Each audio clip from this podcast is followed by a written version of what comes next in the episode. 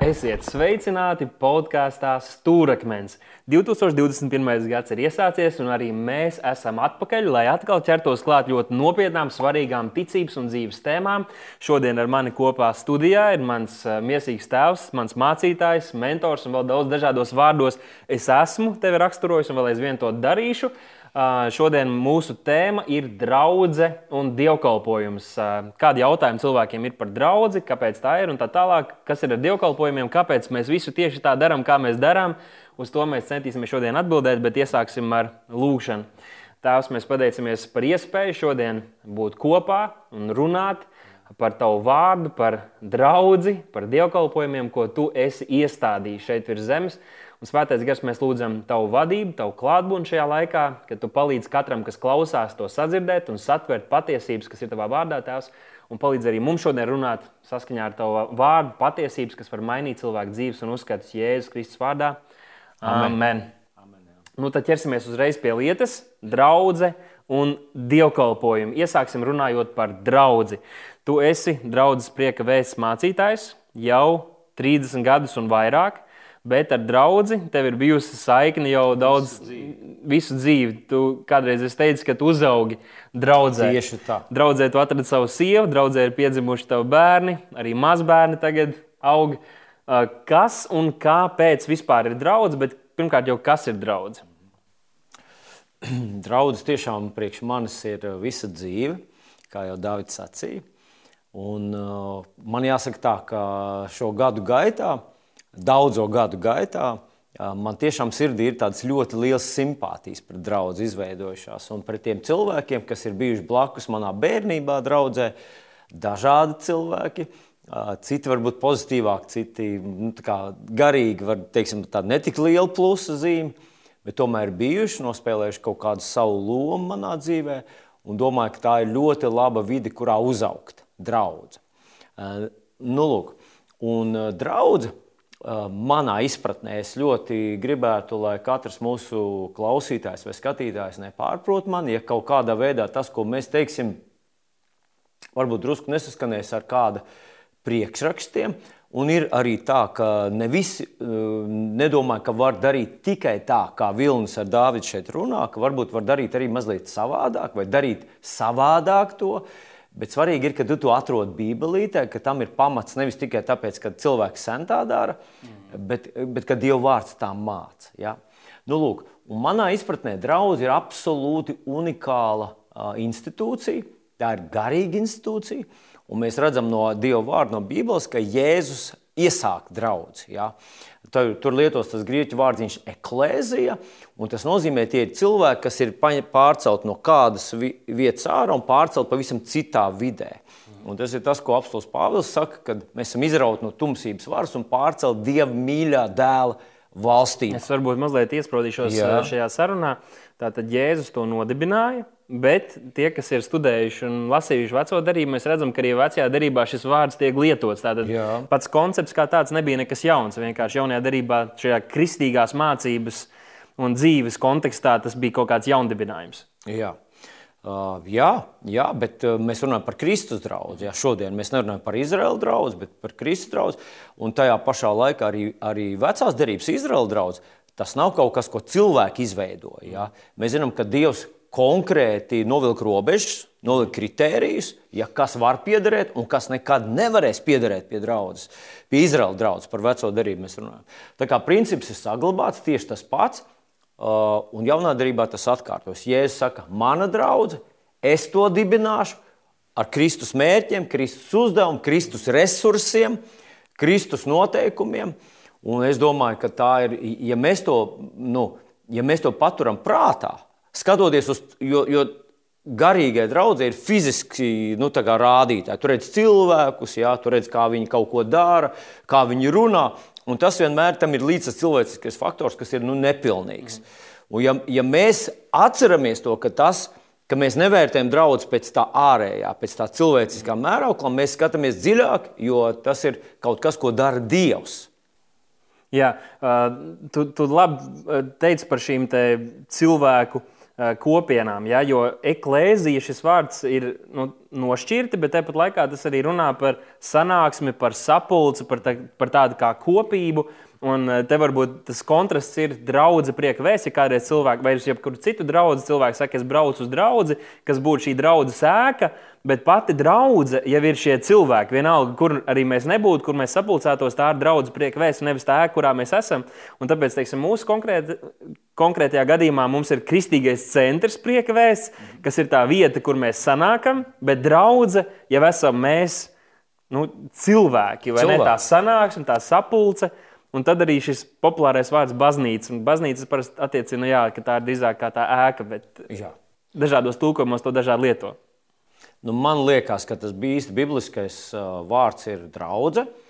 Un, kā mēs zinām, šis baznīcas jēdziens parādījās tikai, tikai šajā pēdējā tulkojumā.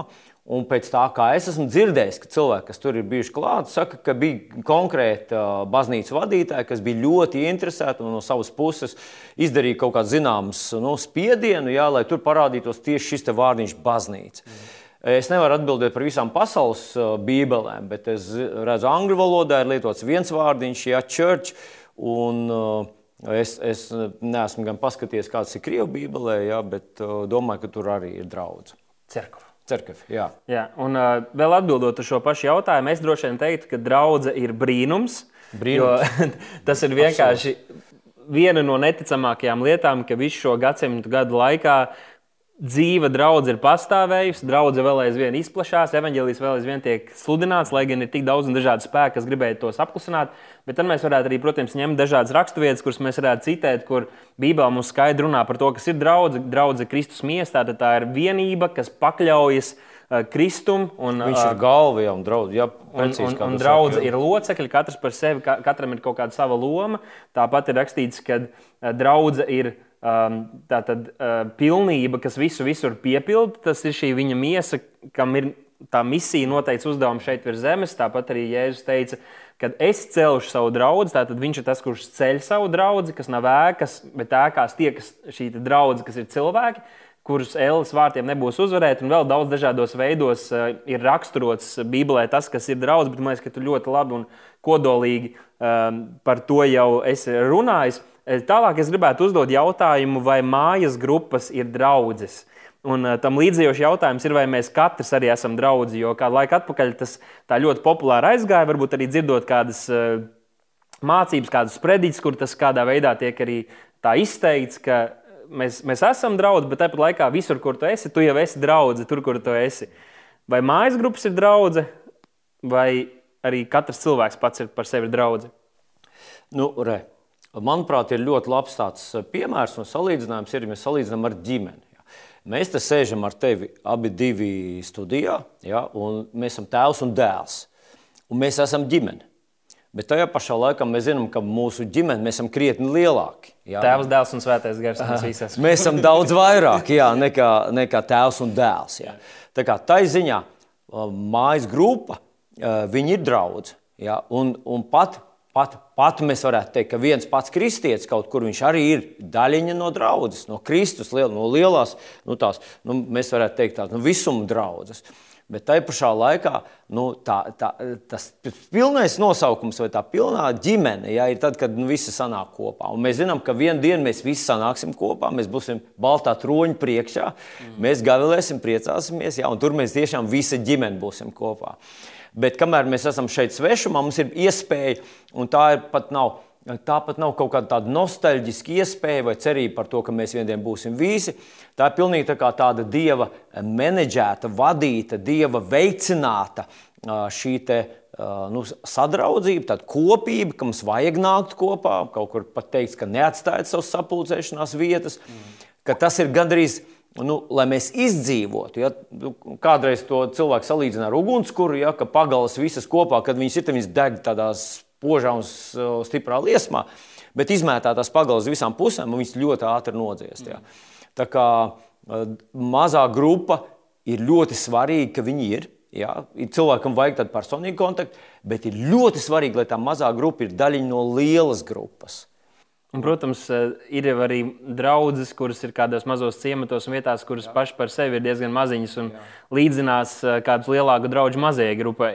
Uh, bet šeit es gribētu vēl paiet nedaudz dziļāk, un es esmu pārliecināts, ka daudziem arī, kas mūs skatās šobrīd, šis jautājums ir, ir svarīgs. Tas ir par šo nu, pēdējo gadu laikā šo populāro kustību, uh, par mazajām maz, mājas draudzēm, mazām mājas draudzēm, neorganizētām draugu kustībām.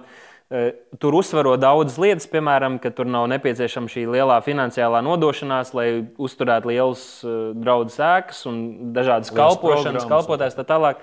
Kad, un, un, un ka tur ir liela brīvība un ka tās ļoti augošas. Un, tajā pašā laikā šajā konkrētajā nu, sezonā drīzāk šī augšana ir bijusi uz citu draugu izrādīšanu. Eh, cik es esmu skatījies, ka tomēr ļoti daudz no tiem, kas tādām pievienojas, varbūt ir kādi, kas drusku paguruši vai kas, kas vēlas vairāk kaut kā sevi realizēt, un tad viņi pievienojas šādām vietām. Un ir arī, protams, dzirdēts par kādiem lielu draugu mācītājiem, ja, kas uh, ir atklājuši, ja, ka draugi pavisam citādākai jābūt. Ir, kad vienkārši visiem jāiet pa mājām, jādalās ar maizi un jālūdz. Un, un, un, un ka tā ir tā patiesā draudzene. Kādas ir tavas domas un skatījums uz visu to kustību? Ja, ja mēs runājam tieši par šo kustību, ja, man mazliet vēl gribējās pieskarties tai pašai draudzes fenomenam, bet nu, mēģinām to pēc tam izdarīt. Mm. Ja. Uh, Es esmu dzirdējis dažus viņu, viņu teiksim, vēršanās pie ticīgajiem, un viņi savā ziņā, nu, vismaz mans iespējas radās tāds, kad es klausos to uzrunu, ka viņa cenšas izraisīt cilvēkos tādu nu, neapmierinātību. Jā, kas tas ir? Ja jūs tur maksājat naudu kaut kādā milzīgā mājā, uzturat tur milzīgas ērģeles, tur, nu, teiksim, nu, nu, teiksim, ja mēs runājam tādās kategorijās. Un vai tad nav bez vis tā, vai var iztikt un tā tālāk. Jā. Katrs, katrs ir mācītājs. Jā. Katrs ir mācītājs, teiksim, Tu vakar atgriezies, šodien tu atgriezies nākošo, jā, viņš atgriežas nākošo, un, un, un tā tas viss iet uz priekšu. Visi ir apstuļi. Uh, nu, jā, jā visi, visi dara visu. Un tad, un tad tiek piesaukt kaut kādu vienkāršu piemēru. Nu, pieņemsim, kaut kāds nu, teiksim, elektriķis. Jā. Uh, elektriķis apmāca nākušo elektriķi. Jā, elektriķis uh, parāda šī plus mīnus, ja šitos vadiņus tā un tā. Un ļoti ātri uzreiz viņam ir teiksim, māceklis, kurš arī māca tieši to pašu, ko dara tas, tas elektriķis.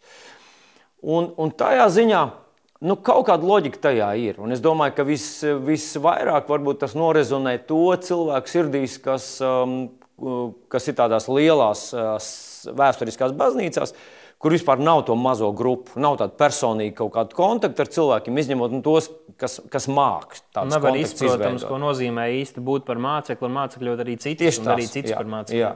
Nu, jā. Bet uh, man atkal man patīk kaut kādas paralēlas vilkt vai kaut kādas līdzības jāzīmēt. Nu, es savā laikā esmu diezgan daudz arī gājis uz, uz sporta zālēm. Nu, kad, kad es biju tāds jauns puisis man priekšā stāvēja dienas armijā, tad nu, es sapratu, ka man druskuļi vajag to savu fizisko formu pacelt. Un tad tu ej uz sporta zāli un tur ir daži, dažādi apkārt cilvēki, kas arī kaut ko cilā, kaut kāds hantels, kaut kāds stieņš. Un katrs no viņiem, viņam ir sava metode, ko vajag. Jā. Kāds saka, tev vajag bicepsu, kāds saka, lūk, tur viss sākās, tev pavisam kaut ko citu un tā tālāk. Un tu ej pie katra, un katram ir tā, nu, tā viņa metode, ko viņš tev grib nodot. Bet kā mēs visi zinām, ka ļoti bieži tieši tādi uh, cilvēki, kas tā, nu, tiešām grib kaut ko no reāli no sirds izdarīt, sabojā savu veselību, klausot šādas mazas kaktu trenerīšus. Un pavisam savādāk, kad aiziet pie tāda īsta profesionāla trenera, kurš ir mācījies, kurš saprot, kā, kā visa tā skeleta sistēma tiek būvēta. Un viņš saka, nomet tos, tos lielos svarus, sāc ar maziem svariņiem, kaut kādiem specifiskiem vingrinājumiem. Mm. Man gribas teikt, ka garīgās lietās ir tieši tāpat. Jā. Ļoti bieži tas, uz ko cilvēki pavēlkās viegli, ir kaut kāds tāds ārējs, kaut kāds tāds ļoti tāds, tāds liels, tāds sapņains formas par to, ka tur kā tur un kur tu tagad tu pravietos un tu redzēsi un, un dēmons tu dzīs un tā vārds, ko nu, tu būsi miljonārs un viss tev būs forši. Ja.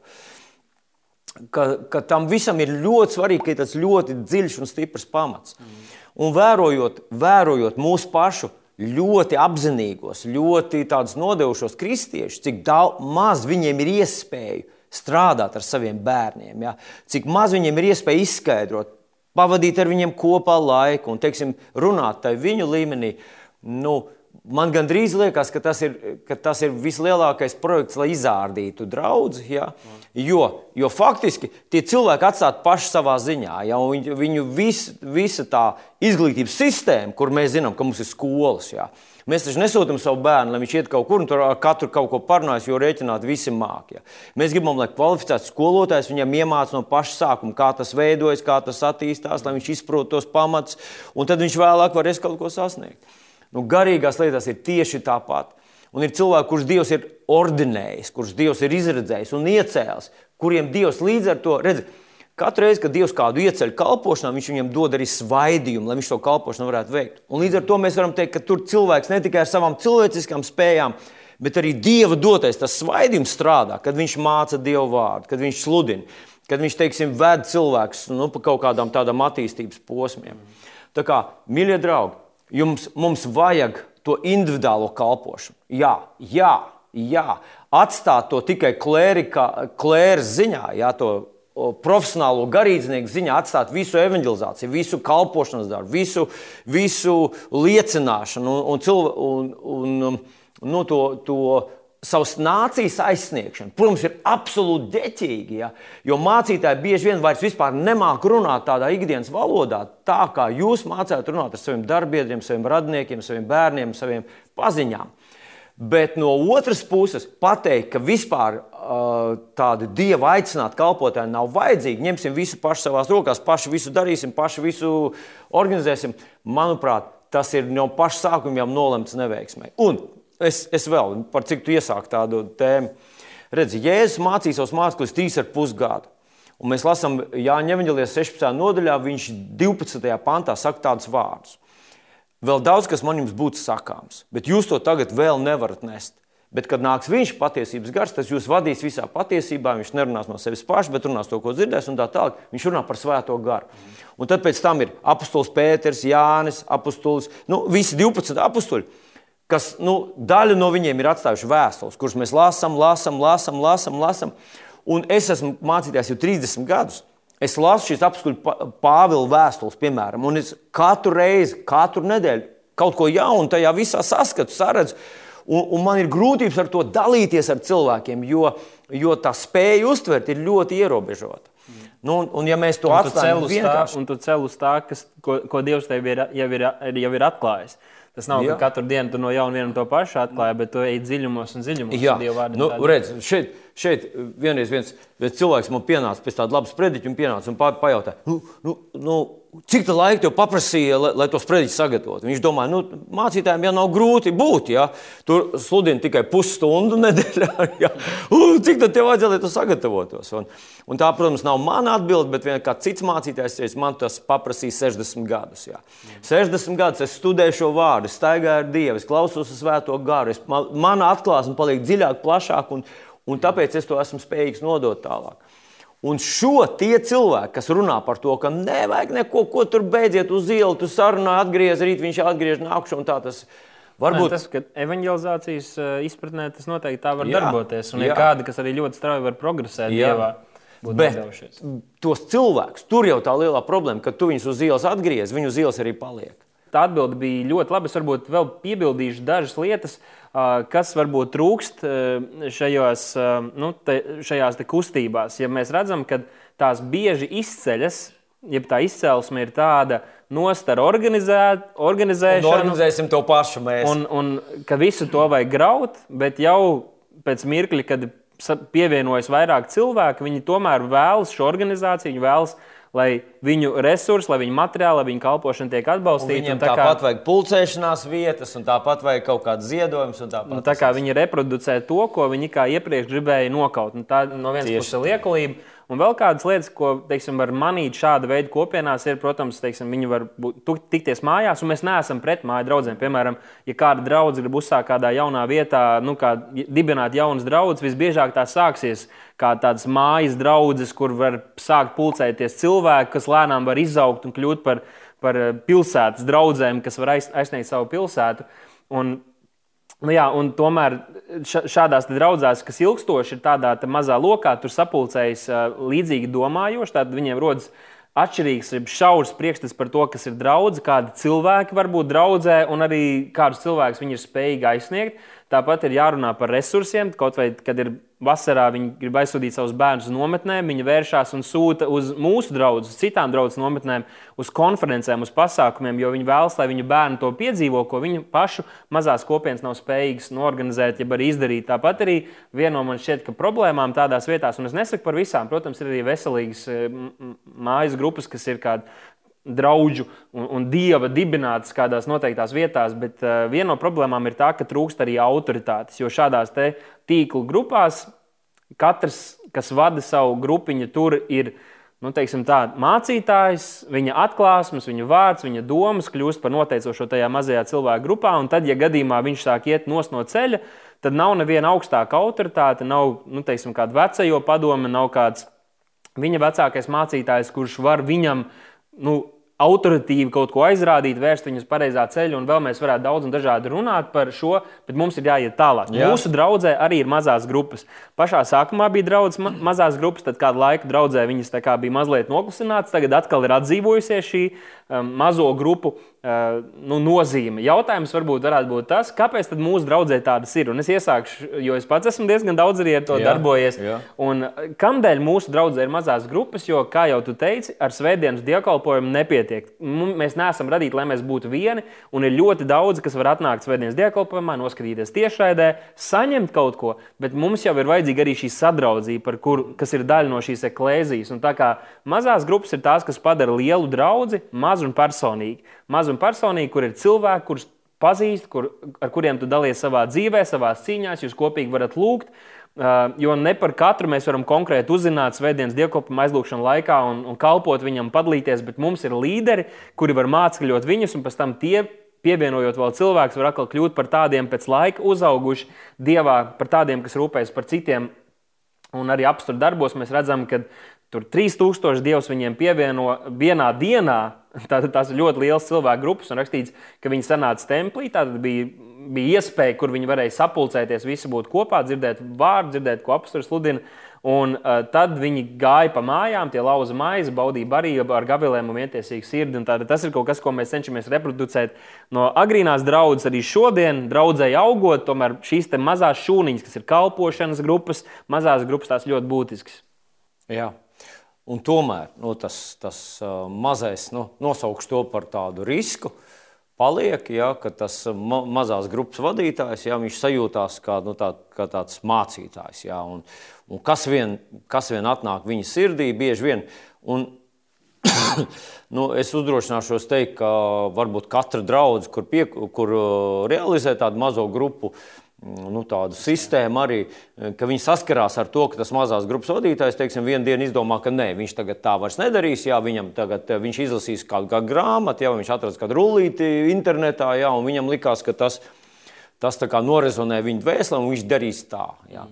Un tur, tur man liekas, ka tur vajadzētu arī tās mazās grupas dalībniekiem apzināties to, ka tāds risks pastāv, jā, ka viņš vienkārši sāk tā kā, nu, tā kā spēlēt tādu divējādu spēli, Eh, tas cilvēks, kuram ir deleģēta šī atbildība. Un viņš var arī, nu, var arī mm, nu, aiziet no, eh, nu, no tā ceļa, noiet nost. Jā, un es, Jā. es, es piekrītu, un Bībele jau mums saka ne tikai par mazās grupas vadītāju, bet uh, kaut vai ja kāds pravieto mums, vai tas ir tas pats kāds mācītājs vai vieskalpotājs, kas mums sludina, mums vienmēr vajadzētu ne obligāti būt kritiskiem, īpaši, ja tas ir Dieva vīrs, ko, ko Dievs lietos pie mums, bet mums vajadzētu uzklausīt, pārbaudīt visu, kas tiek sludināts. To, Uh, un, un, un redzēt, ka tas ir tiešām saskaņā ar Dieva vārdu un arī veselīgu mācību. Jā, nu, varbūt par cik mēs to domu esam iesākuši. Uh, tas, ka kāds cilvēks, vai kāds mācītājs, vai kāds mazās grupas kalpotājs, vai kāds tāds liela mēroga kalpotājs uh, noiet no ceļa, tas uzreiz nenozīmē, ka, ka viņš nav no dieva. Jā? Jo, kā mēs zinām, arī tādi dievi izredzēti, svaidīti dievu kalpi ir nogājuši no ceļa. Jā? cilvēki var pielaist šīs kļūdas. Tā nav ap simtprocentīgi garantija, ja kāds ir dieva izredzēts, ka tad viņš līdz galam ies simtprocentīgi pareizi. Bet uh, mums kaut kādā mērā arī pašiem ir jāseko līdzi, jā, jāvelk ar pirkstu līdzi grāmatā, kur mums visu lasām, un uh, jāmēģina nu, teiksim, arī kaut kādu atbildību uzņemties par savu dzīvi un par to, kam mēs tā uzticamies un paklausām. Uh mhm. -huh. Jā, vai jebkurš cilvēks var sākt draugu? Tātad pirms kāda laika sabiedrībā sašutumu izraisīja kāds mūsu šovbiznesa pārstāvis, kurš izdomāja, ka viņš pasludinās sevi par mācītāju. Jo nu, viņam šķita, ka draugiem varbūt ir nedaudz vieglāk, nu, ar, ar vieglāk ierobežojumu uzlikti. Mēs mūsu draudzes redzējumā ir teikt šie vārdi, ka mēs esam no dieva dzimusi, pastorāla draudzene, un tad ir ar vīziju, ar misiju un tā tālāk. Bet no dieva dzimusi pastorāla draudzene. Kā, kā tu saproti Bībeles kontekstā? Vai tiešām jebkurš cilvēks, kurš ir kristietis, kurš deg par dievu, viņš var sākt mazo grupu, sākt draugu, vai, vai tur jābūt kādam tādam dieva zīmogam pār to visu? Es gribētu teikt, ka tas ir milzīgi liela atbildība pasludināt, ka, kad te sākās draugs. Mhm. Nu, saskaņā ar mūsu likumdošanu ir tā, ka, lai draugus nodibinātu, ir vajadzīgi tikai 20 cilvēki. Ja 20 cilvēki sanāk kopā, viņi nobalso, iesniedz savus statūtus un draugi ir reģistrēti. Un, un viņi ir. Jā. Bet vai tā ir draudzene? Tas ir ļoti, ļoti liels jautājums. Un mēs dzīvojam tādā laikā, kad visam ir tā tāda ļoti demokrātiska pieeja, un, un katrs var, ja katrs var, ja tu gribi, ja es varu, es esmu pabeidzis Bībeles skolu, un ko tad es darīšu, ja man profesijas nekādas citas nav, es dibināšu draugus. Un, un tādas draudzes ir sadibinātas, viņas tiek dibinātas. Vai, vai mums par to ir jādusmojas? Tas, tas, tas, tas varbūt ir tāds jautājums nevietā, jo uh, Varbūt kādam ir tāds aicinājums teiksim, pētīt, analizēt un, un klasificēt. Man tāda nav, mums tāda nav, un mēs to nedarām. Un kā Pāvils saka, viņš kaut kādā mērā priecājas par katru, kurš pasludina evaņģēlīju. Tajā pašā laikā, ja mēs skatāmies to Mateja evaņģēlīju 16. nodaļu, 18. pantā Jēzus saka, es gribu celt savu draugu pretī ielas vārtiem, bet 16. pantā viņš jautā, Pēterim, ko cilvēks saka, kas es, kas es esmu, tad viņš jautā, ko jūs sakat. Nu, tad Pēters saka, tu esi, dzīvā, tu esi Kristus, dzīvā Dieva dēls. Jā. Un tad Jēzus saka, uz šīs klints, tu esi Pēters, tātad tu esi Pēters, tu esi Petros, jā, bet komats uz šīs klints es gribu celt savu draugu. Par ko viņš runā? Viņš runā par šo atklāsmi. Tā atklāsme ir tā klints, ka Jēzus Kristus ir Dieva dēls. Jā. Uh, es gribētu teikt, ka draugi nevar iesākt. Ja? To var nu, juridiski sauc par draugu. Bet draugs nevar iesākt, tāpēc ka mūsu ciemā vai mūsu pilsētā ir teiksim, desmit cilvēku ticīgi, desmit kristieši. Esmu pārliecināts, ka katrā ciemā un katrā pilsētā ir vismaz 10, 20 kristieši. Bet, ja viņi sanāktu visi kopā un teiksim, iesākt draugu, tā nebūs draugs. Draudz ir kaut kas, kas sākās uz atklāsmes pamata ka Dieva svētais gars uzrunā un manā izpratnē ar to, kā es esmu mācīts. Un es domāju, ka tā ir pareizi, ka draugs var dibināt vai no apustulis vai pravietis. Un viņš var iecelt, iecelt tai draudzē vadītāju, ja kurš ir dieva izredzēts cilvēks. Viņš var būt pabeidzis Bībeles, ko var nebūt nebeidz, ne, var būt nepabeidzis. Kad es kļuvu par mācītāju, es vēl nebiju nekādu Bībeles skolu pabeidzis. Es biju vienkārši uzaugusi eh, draudzē, es pēc tam mācījos. Tas ļoti svarīgais ir, ka draudzība ir kaut kāda tāda unikāla institūcija, ka tā atnāk uz dieva atklāsmes pamata, un esmu pārliecināts, ka tam līdzi vienmēr nāk vārds. Jo mēs atceramies, ja es teicu, debesis un zeme zudīs, man vārdi nekad nezudīs.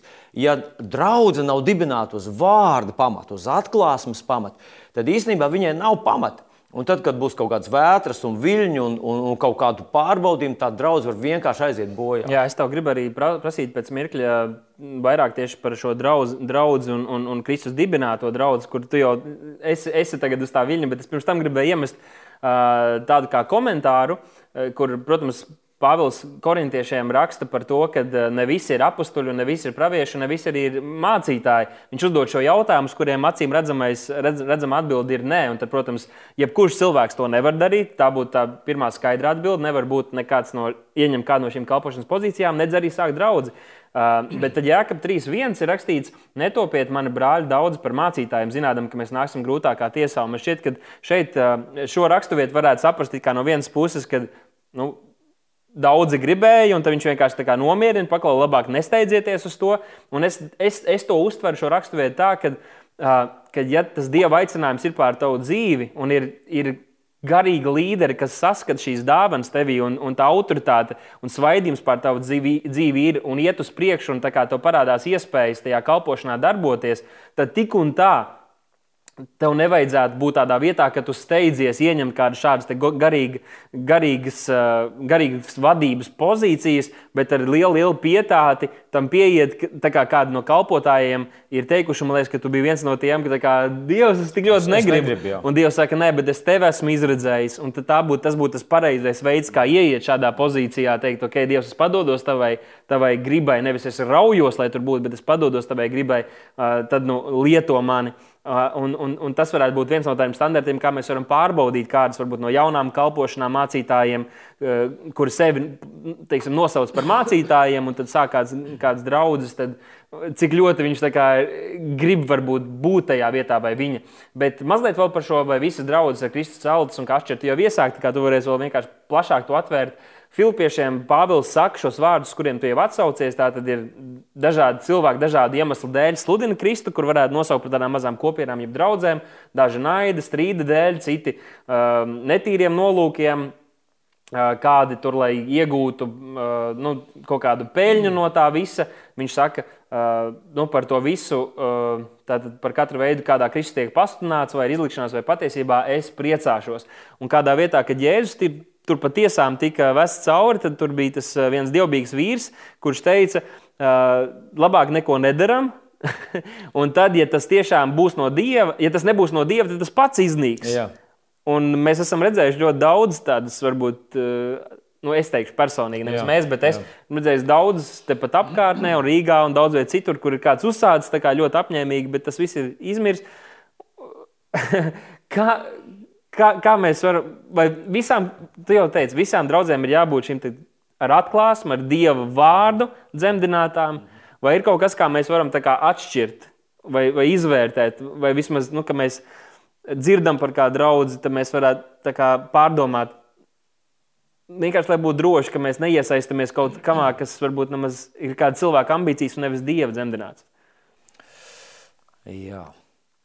Nu, kā, jau, kā mēs jau runājām, ka var būt dieva dzemdināta draudzene un viņai iet ļoti, ļoti grūti. Mm. Tā var būt. Yeah. Un var būt dieva nedzemdināta draudzene, un viņi ir savā ziņā veiksmīgi. Mm -hmm. Un mēs zinām, ka cilvēki e, kaut kā, kaut kā ir radies tāds priekšstats, kaut kā ir radies tāds aplams priekšstats, ka būt par mācītāju vai dibināt draugu, ka tas ir ļoti veiksmīgs bizness. Ja, tas ir veids, kā nodrošināt teiksim, savu iztiku. Ja. Es sludinu Bībelīti, un es tagad mācu, un, un, um, un tas ir diezgan tāds, nu, tāds ļoti nu, tāds pragmatisks dzīvesveids. Kā nevarēja atrast darbu, sācis draugi. Nu, vienreiz viens mācīties man tā arī pateica. Jā, ļoti konkrēti. Viņš, viņam bija draugs. Es varbūt nesaukšu konkrēti to pilsētu, un, un negribētu, lai cilvēki sazīmē to cilvēku arī. Jā. Bet viņam bija draugs mazā pilsētiņā, jā, un viņam tur galīgi negāja. Nu, visu laiku tur viss vis kaut kas. Un tad vienā dienā viņš man saka, es viņu satiku, viņš man saka, zini ko? Nedomā, ka tu viens vari Rīgā taisīt draugu. Es arī taisīšu. Un viņš iesāka Rīgā draugu. Un, un, nu, pār, viņam bija kaut kādi arī draugi jā, no ārzemēm, kas braukāja un, un teiksim, tāds, nu, tāds Tas arī, tas arī ir kaut kāds tāds, tāds fenomens, ja, ka ir, ir kristieši, kas vienkārši, nu, kā, ja kaut kas sākās jauns, uzreiz viņi saskrien. Uh, un, un bija, bija to cilvēku, tur bija brīžiem, tur bija pāris simtam, ja cilvēku, pat 200 ir bijuši cilvēki, kaut kādas konferences taisīja, un tur pat bija cienāja visu atnākušos ar tēju, kafiju un cepumiem, un, un cilvēki gāja. Nu, lūk, bet uh, viņš Viņš to iesāka ar šādu tādu, vat, ar to pašu domu, ja, kad jā, tā, jāiet tur, kur ir cilvēki, ja tur būs veiksmīgāk. Un, un tā. Mm. Bet tas bibliskais koncepts, un es mīļie draugi, gribu uzrunāt, tādam patiesam, īstam kalpotājam ir jāsaprot, ka mācītāja darbs, jebkura no tām piecām kalpošanām, tā ir kalpošana. Tas nav bizness, tas nav labs veids, kā nodrošināt sevi. Un pastāv risks, tiešām pastāv risks, es saku, ka, nu, ka tā arī būs kalpošana līdz dzīves garam. Līdz dzīves kalpošana nozīmē, ka tu būsi paēdis, tu būsi apģērbies, bet tas arī viss. Jā. Tas arī viss. Un lai gan Dieva, uh, dieva uh, nodoms ir svētīt absolūti katru savu kalpotāju, Dievs ir ļoti labs darba devējs, bet viņš to dara caur cilvēkiem. Un dažreiz tie cilvēki ir tādi, nu, ir eksistē pat tāds, nu, starp mācītājiem ir tādas runas, ka eksistē kaut kādas tādas mm, veselas draugu grupas, cilvēku grupas, kas ir ļoti skopi, kur mācītājiem ir ārkārtīgi nu, grūti dzīvot, jo cilvēki ir ļoti sīksti un rausīgi. Es nezinu, vai tā ir viņa teoloģija vai kas viņus par tādiem padara. Bet tā, tā ir vispirms ir kalpošana. Ja? Tā ir kalpošana. Pagaidiet, ko tu jautāji man? par šo arī kā atšķirt teiksim, šīs draudzes. Jā, un mēs to atšķirt nevaram. Mm -hmm. Bet es gribētu teikt, ja Dievs ir tevi atvedis uz kādu draugu, un tu tiešām tici, ka tas ir Dievs, mēģini paskatīties viņas vēsturē, ar ko viņš sākās, kas bija tas mācītājs. Jo, redziet, tad, kad mācītājs nostājas aiz pults, mēs visi runājam ļoti, ska, ļoti skaistus tādus vārdus. Bet būtu ļoti labi painteresēties, ar ko viņš sāk. Vai viņš pats bija uzticams? Redziet, Bībelē ir tāds princips. Tu biji uzticams svešā, Dievs tev iedeva tavu savu. Tu biji uzticams kāda cita kalpošanā, tu biji kādā draudzē. Tu, ta, nu, tas tā kā, uh, es, protams, tagad izteikšu tādu apgalvojumu, kuram, kuru es nevaru pierādīt. Ne, Nē, es droši, ka tas ir pateicis, pareizs, bet es domāju, ka viņš ir. Ka bērns, kurš ir uzaugusi bērnu namā, viņam nav priekšstats par to īsti, kā tas darbojas ģimenē. Ja? Un vislabāk, kad kāds ir kas uzaugusi veselīgā ģimenē, kur ir veselīgas attiecības ar tēti un māmiņu un bērniem, viņam ir vieglāk to reproducēt tālāk. Un cilvēks, kurš pats nav bijis draudzē, kurš pats nav uztaisījis, nu, es lieku to pēdiņās par karjeru, ja, kurš iesāka ar kaut kā pavisam vienkāršu, un tad bija uzticīgs pie mazuma, un Dievs viņu pacēla augstāk, un Dievs viņu pacēla augstāk, un, viņu, un visur, kur viņš gāja, viņš visur centās būt uzticams. Pat kaut kāds vienkāršs parastus, necilus darbus, kalpošanas darā, darot. Ja? Tas ir tas veids, kā Dievs paceļ savus kalpotājus. Un, un viņi nenāk no universitātes, viņi nenāk ar zelta diplomiem, viņi nenāk ar, ar, ar, ar, ar dāvanām. Ja? Pirmkārt, ko Dievs meklē, un ko mēs redzam arī Pāvils saka Timotejam, atrod uzticamu vīru. Un tad viņu apmāca. Ja? Nevis, nevis otrādi. Nevis tie ir vienkārši teorētiķi, kas kaut kur samācījušies, bet tie ir praktiķi, kas sākuši no nu, ja var tā teikt, no apakšas jau kristieši ir mācījušies. Un arī tā raksturvieta, kur Pāvils, ja nemaldos, Timotejam raksta, vai ne, neatceries un, un uzjundīja savā garā to dāvanu, kas tev tika iedot presbiteriem uzliekot tev rokas.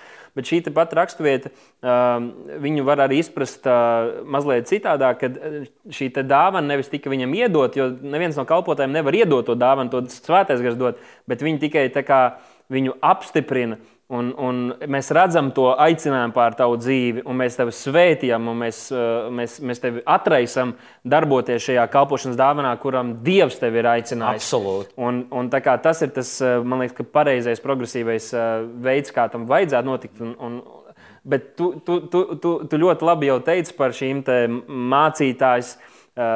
Tu esi mācītājs Visur, kur mēs raugamies apkārt, dažādās draudzēs, nu, labi, ir vietas, kur ir priesteri, bet uh, ir mācītāji, mācītāji, mācītāji, mācītāji. Bet tad mēs dodamies pie Bībeles, un tur efeziešu vēstulē, tāpat citās vēstulēs mēs redzam, ka ir piecas kalpošanas dāvanas. Angļu valodā šis five-fold ministry, nu, tā kā piecas kalpošanas dāvana, tāds kā oficiāls, kurā tu vari ir aicināti cilvēki kalpot cilvēkiem. Tad Efeziešiem 4.11. rakstīts, viņš arī devis citus par apstuļiem, praviešiem, evaņģēlistiem, ganiem un mācītājiem, lai svētos sagatavotu kalpošanas darbam.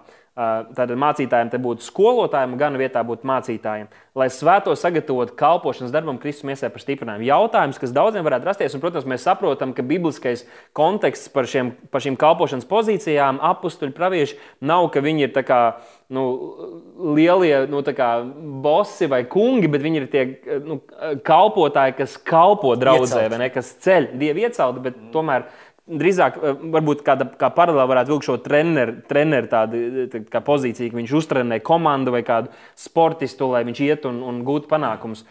Kāpēc mūsdienu draudzēs mēs redzam tikai mācītājus? Bet mēs, nu labi, ir dažas draudzes un kādas kopienas, kur arī dzirdējām par praviešiem tā tālāk, bet mēs redzam, un saukts tiek tikai viens mācītājs, bet visas šīs pārējās kalpošanas dāvanas it kā nemaz neeksistē. Nu, um, Kaut ko, kaut ko mēs varam redzēt Bībelē, arī to, to modeli, bet arī, arī kaut ko mēs nu, saprotam vienkārši no tādas ikdienas. Ja? Ka mācītājs ir draudzes uh, gans, nu, ganāmpulka gans. Un viņš ir tas, kurš ikdienu nosaka, ja ikdienas uh, to kārtību, ikdienas dzīvi, ja, kurš rūpējas par ēšanu, rūpējas par atpūtu. Viņš tā kā ikdienā strādā ar, ar, ar šo ganāmpulku. Un tāpēc gans, gans nu, ir, tā, ir tā kā ģimene tēvs. Jā. Tas, tas ir, nu, tas ir visiem zināmā persona, ar to viņi jārēķinās. Jā. Viņš ir tas, kurš atbild par visu, kas notiek ganāmpulkā. Redzot, redzot teiksim, apakstuļu Pāvila piemēru, Pāvils ir apustulis. Jā. Viņš ir apustulis daudzām draudzēm. Viņš ir bijis tur, tur viņš vienkārši nav bijis. Viņš ir uzrakstījis vēstuli un tā tālāk. Apostols viņš kalpo ļoti plašā, plašā tādā reģionā. Ja, viņš var mm, aizsūtīt tam mm, mācītājiem vēstuli, viņš var viņam piezvanīt, viņš var ar viņu satikties. Viņš var izrunāt kaut kādas lietas caur kaut kādu sūtni, ja, ko Dievs viņam ir devis nodot viņam. Mēs redzam to arī teiksim, atklāsmes grāmatā, kā, ka Jēzus liek sūtīt vēstules draugu mācītājiem. Ja tie eņģeļi tie ir draugu mācītāji. Ar to es gribu teikt, ka, ka Dievs ieceļ šo kārtību, un tad caur to viņš arī nu, pats, pats darbojas. Ja, caur šo mā, gan mācītājs draudzē, ja viņš ir tas, caur kuru Dievs realizē arī to savu, nu, to savu varu un vadību. Ja. Uh, nu, manuprāt, nu, teiksim, ja mēs runājam par mūsu draugu, ja, mums, ir vismaz, mums ir vismaz tādi nu, trīs Uz, uz šo brīdi, ja mums ir trīs, četri, varbūt pat vēl varētu vairāk lietot kaut kādas tādas dažādas kalpošanas dāvanas ar dažādu svaidījumu un dažādu, nu, dažādu kā lai pasaka, skatījumu uz lietām. Nu, un uh, varbūt es, es varbūt esmu tāds, nu, tāds klasisks gans. Ja? Teiksim, mācītāja līga, ja, līga, uh, viņi ir ar tādu pravietisku, uh, pravietisku ieskatu. Ja. Manuprāt, tev ir kaut kas ļoti tāds, ļoti, nu, tāds spilgti dāvana, kas šobrīd ir tādā attīstības fāzē, bet arī, arī tev pavisam savādāks tas tavs svaidījums, tā, tas, ko tu dari, tas, kā tu dari. Un, manuprāt, dažreiz cilvēki vienkārši novērtē, nu, ka Vilnius Predijs bija šitāds, Dāvidam bija labāks, jā, līgai tāds pavisam tāds. Un, un to mēs varam redzēt, ka cilvēki dažreiz viens līgas sprediķis, ja, viņš runā skaļāk kā pieci manējie. Ja, tas cilvēkos tā norezonē. Tas, Pravietiskais tāds ļoti dziļais pieskāriens cilvēku dvēselē, viņš ļoti, nu, tā kā tās ir dažādas kalpošanas dāvanas, es ar to gribu teikt. Un ar to es gribu teikt, ka draudzene nevar būt bez gana, ja? bet ganam ļoti svarīgi, ka viņam būtu arī tās augstākas autoritātes. Un mūsu dzīves laikā, mūsu Nu, šo 30 gadu laikā Dievs ir lietojis dažni dažādus apstuļus. Mēs tā droši varētu nosaukt viņus ne, ne tikai pēdiņās, bet cilvēkus, kas teiksim, ir pavadījuši daudz laika, veltījuši man personīgi, mums kā, mums kā ģimenei, ja, kuri mūsu runājuši un runājuši par kaut kādām dziļām lietām, kaut ko pravietojuši, runājuši kaut kādas nākotnes vīzijas un nākotnes lietas, kuras ieliktas mūsu dvēselē, ir uzaugušas, kaut kā attīstījušās, un tās mēs pēc tam esam varējuši dalīties ar savu draugu. Tā kā es domāju, ka tādā īstā Kristus dibinātā dzīvā draudzē tas tā darbojas. Ja? Nu, es nezinu, kā tas ir, ja cilvēki dibina to draugu. Vienkārši kaut kādiem tādiem pragmatiskiem apsvērumiem, ja, kā, kā tas vajadzētu, ja, ko dara citi. Un, tad, un šitais skats ir. Ja. Viņiem tur ir viesi, ja mēs arī uzaicināsim. Viņiem tur ir izmainīts, mēs arī tā, viņi tur sauc jubilāšu priekšā, mēs arī tā darīsim. Viņi tur šito. Mm. Nu, kā viens mācītājs man tā arī teica, nevajag izgudrot velospēdu. Ja? Viņš saka, kā korejieši visu to uztaisīja, visu to savu ekonomiku. Viņi saka, viņi nokopēja Mercedesu, viņi nokopēja šito un sataisīja korejiešu mašīnas visādas, kas ļoti līdzīgas lieliem, labiem brandiem. Tā var darīt. Nu, ir cilvēki, kas tā dara, bet uh, nu, uh, gribētu teikt, ka, ka Dievs katrai draudzē ir mana, mana pārliecība. Ir tas vārds, un tas ietver sevi arī kaut kā tādu īpašu savu svaidījumu, tas īpašu savu seju, īpašu savu mm, nu, virzību, īpašu uzdevumu. Ja? Un tas atspoguļojas visā tajā draudzes darbībā. Es, es varbūt šeit gribētu. Uh, Tādu kā paskaidrojumu, ko es esmu novērojis no. draudzēs, ka ir dažādas draudzes, un mēs redzam, ka varbūt viņi dara lietas, nu, vai kaut kādas norises, kas ir līdzīgas, bet ir tāds savs uh, svaidījums un, un, un, un tāds kā virziens mazliet citādāks. Un es personīgi uzskatu, ka mūsdienās arī par draugu mācītājiem visi tiek saukti par mācītāju, jo tas ir arī kultūrāli tā iegājies. Mēs aizējām, teiksim, ASV vispār tur tehniskais mācītājs, slavēšanas mācītājs, visi, kas vada, kas darbojās arī garīgā kalpošanā, ir mācītāji. Un mēs kā, no vienas puses esam kā, nolikuši nos, jo, ja kāds pateiks, viņš ir apustulis vai pravietis, piemēram, es ļoti redzu tevī tādu apustulisku svaidījumu un aicinājumu, tad tas izklausās jau nu, tā tā, vai ne? Tas ļoti vairāk kā Āfrikā un citur. Kā, ja, nu, mācīties tas vēl tā pazemīgi, bet ja apustulis, tad tas jau ir nu, tā, tā daudz, daudz augstāk. Kad ir daudz mācītāju, kur iespējams, nu, kāds ir, es zinu, droši, ka vairāk ir stipri evaņģēlisti aicināti, bet, bet viņš vada draugu, un varbūt viņam tas neiet tik viegli, varbūt kā cilvēkam, kas ir aicināts būt par mācītāju, bet viņš ir mācītājs un viņš darbojas tur. Ir kādi, kas ir vairāk nu, pravietiskajā darbojās. Un tāpat arī iekšā mūsu draudzes uh, vidē mēs redzam, ka ir vairāk no mūsu draudzes tādiem ve vecajiem, jeb kalpotājiem, kuriem arī ļoti izteikts kaut vai skolotāji dāvana un aicinājums, kas, kas tajā darbojās. Un visi šie, kur jāsaka, varbūt to ar laiku kaut kad vajadzētu mainīt un dot šos nosaukumus visiem, bet mēs jau redzam, un galvenais, man liekas, ir, lai katrs darbojās šajā savā dāvanā. Ne vienkārši, lai viņš tiek nosaukts šajā vārdā, kā, lai celtu viņu, bet ka viņš var kalpot un celt draugu. Un, uh, nu jā, tas, tas man liekas, tā vēl pēdējā lieta par draugu.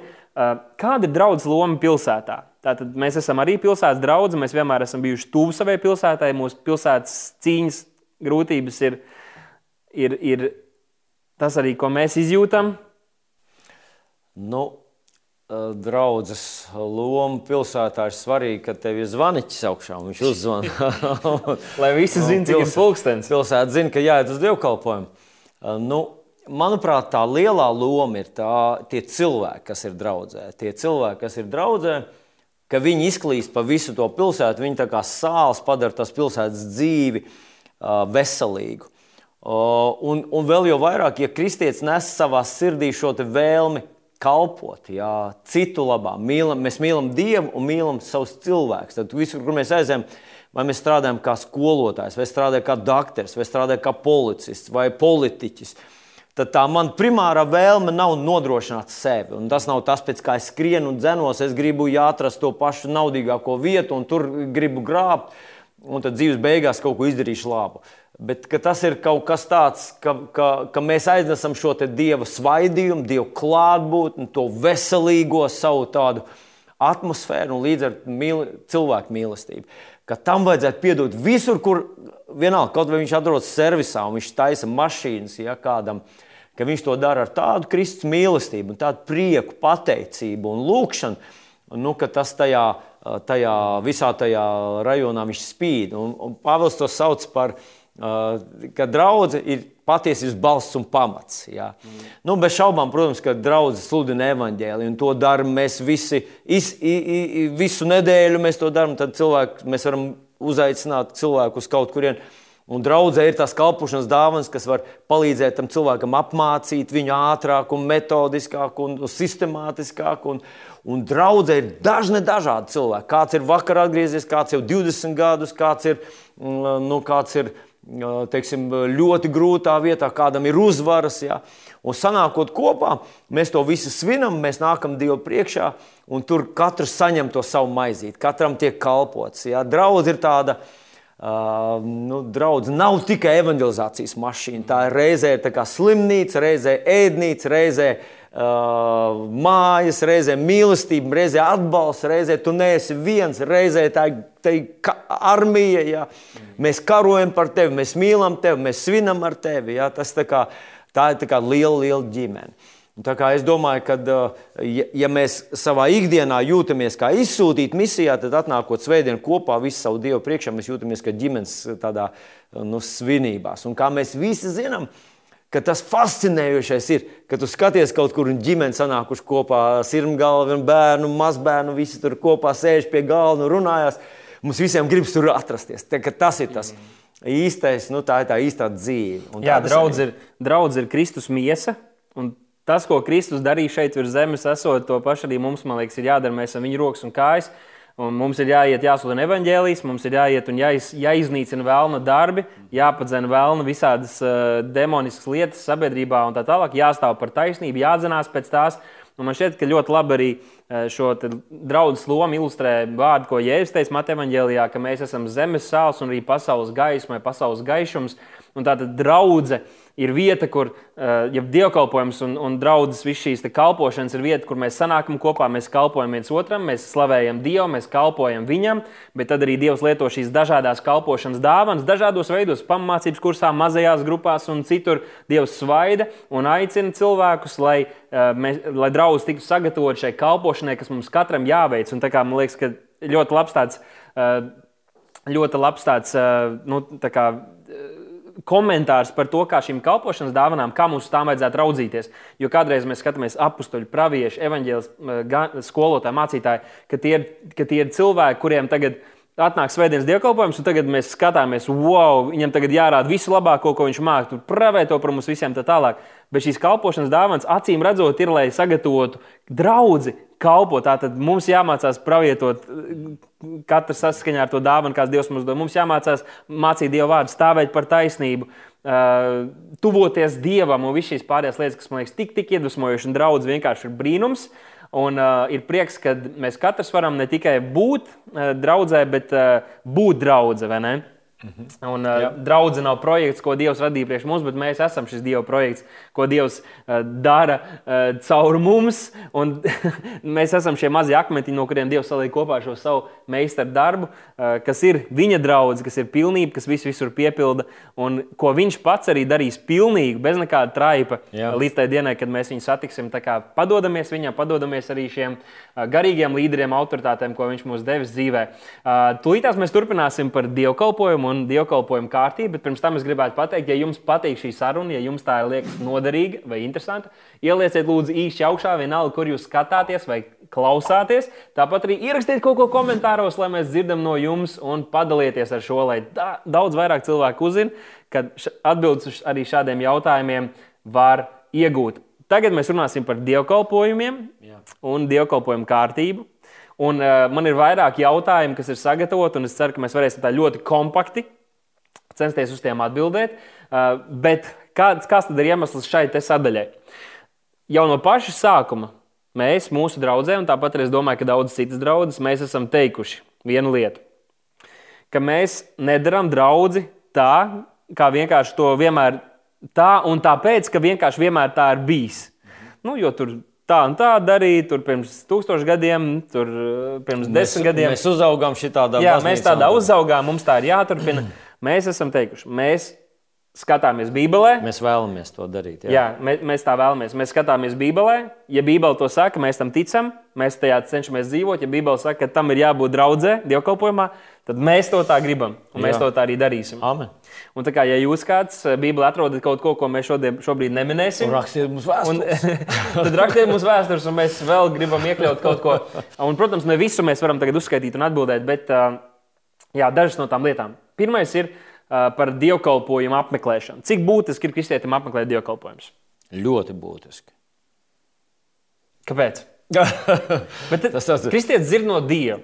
Jā. Kāpēc viņam vēl jātērē nu, reizes nedēļā šis laiks un jānāk jā. uz draugu? Pagaidiet, dzird no Dieva. Tad jau Jēzum nevajadzēja izsūtīt savus 12 mācekļus. Viņš būtu teicis, nav jēgas jums, puiši, iet, viņi visi dzird no Dieva. Jā. Visi dzirdēs no Dieva. Pāvils neraksta vēstules, pirms kam tev tur iespringt par to visu. Jā. Visi taču dzird no Dieva. Protams, ka cilvēki dzird, un Dievs grib runu uzrunāt savus, savus bērnus. Bet pirmā, pirmais veids, kā viņš uzrunā savus bērnus, tas ir, kad viņi dzird, ka kāds sludina. Ja kāds Jēzus māceklis ir atnācis līdz viņiem, jo Jēzus izsūtīja savus mācekļus, lai viņi iet un pasludina evaņģēlīju visai radībai. Un īstenībā tu nevari tapt glābts, ja kāds no cilvēkiem tev nepasludina Kristus evaņģēlīju. Un kāpēc tu domā, ka sadzirdējis divreiz uh, cilvēku sludināšanu, tu visi izslēgt, visu ārā un palikt viens pats mājās, sēž pie televizora un man ar, ar Dievu un televizoru pietiek?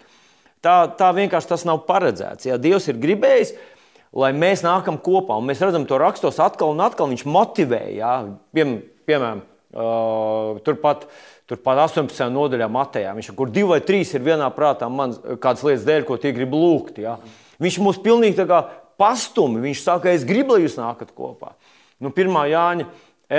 Pirmā Jāņa vēstulē, pirmajā nodaļā, 7. pāns, ja nemaldos, viņš saka, ja mēs dzīvojam gaismā, kā viņš ir gaismā, tad mums ir sadraudzība savā starpā. Īstam Dieva bērnam, viņam ir mīlestība uz Dievu, un viņā ir mīlestība arī uz saviem līdzcilvēkiem. Viņi ir nepilnīgi, viņi ir cilvēki, viņš ir nepilnīgs. Bet ir kaut kas tāds, ka mums patīk būt kopā. Īstam kristietim, kurš ir dzimis no Dieva, dievkalpojums viņu neapgrūtina. Pirmkārt, jā. mums ir jādod iespēja Dievam lietot šos viņa aicinātos, lai viņš runā uz mums. Jā, jo kādreiz jā. mēs paši varam aizšķirt garām, neievērot, neiedziļināties, bet Dievs kādreiz mums, mēs to dzirdam gandrīz katru svētdienu, kad ir tik daudz cilvēku, kas saka, tieši par manu situāciju, man tieši Slavu tā kā pa pieri, manā situācijā, tas, tas ir Dievs, kas uz mums runā. Jā. Un tāpat arī kaut vai ebrejiem rakstīts, un vērosim citu, citu lai paskubinātu uz mīlestību, labiem darbiem, neatstādam savu sapulci, kā daži paraduši, bet cits paskubinādam. Un jo vairāk, vairāk redzam, ka tuvojas tā diena, tad paskubināsim viens otru, būt tur kopā. Un viena lieta, kas, kas man liekas, arī ir īpaša tajā, ka mēs sanākam, protams, šajā eh, nu, ierobežojuma laikā, tās iespējas ir, ir mazākas. Un tomēr, kad mēs sanākam kopīgi draugi, ir īpaša dieva klātbūtne, jo viņš ceļ savu, savu tronu uz mūsu slavas dziesmām, kad mēs sanākam kopā ar īpašu klātbūtni, īpašs svaidījums un, un, un brīnums var notikt, un, un vārds Amen. var tikt saņemts, un mūsu gars var tikt uzcelts no jauna mūsu svētajā ticībā. Tālāk mēs ejam uz to, kā no novērotāja, jeb skatītāja, kristietim kļūt par līdzdalībnieku. Jo ir Jā. daudz kristiešu, kas gadiem ilgi uh, apmeklē draugus, bet tā arī viņi turpina vienkārši būt par skatītājiem. Ļoti kompakti. Es varu pateikt viņam tieši acīs. Jā, ieskaties. Jā, mīļais draugs. Vispirms tas nav normāli. Mm. Tas nav normāli. Redziet, Jēzus teica tā, kas tic un top kristīts, tas taps glābts. Mm -hmm. Redziet, kristība mūs neglābj. Bet kristība liecina par to, ka tā ticība, ko mēs esam savā sirdī izauklējuši un esam apliecinājuši Jēzu par savu kungu, ka viņa darbojas, ka viņa ir dzīva. Redziet, Jēkabs saka, Jēkab 2,20, un viņš saka tādas, nu, tur, tur pantu pirmā daļa varbūt tā drusciņa tā kā tā sarkastiska. Viņš saka, vai tu gribi zināt, tukšais cilvēks, ka ticība bez darbiem ir nedzīva.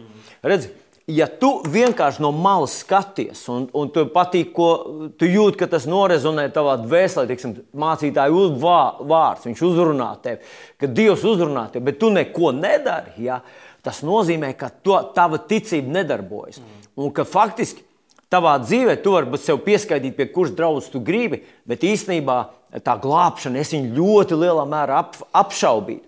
Ja cilvēks ir, tu saki, esmu pieņēmis jēzu par savu kungu, bet tu nedodies, lai slēgtu ūdens kristībā derību, tas nozīmē, ka tava ticība nerīkojas.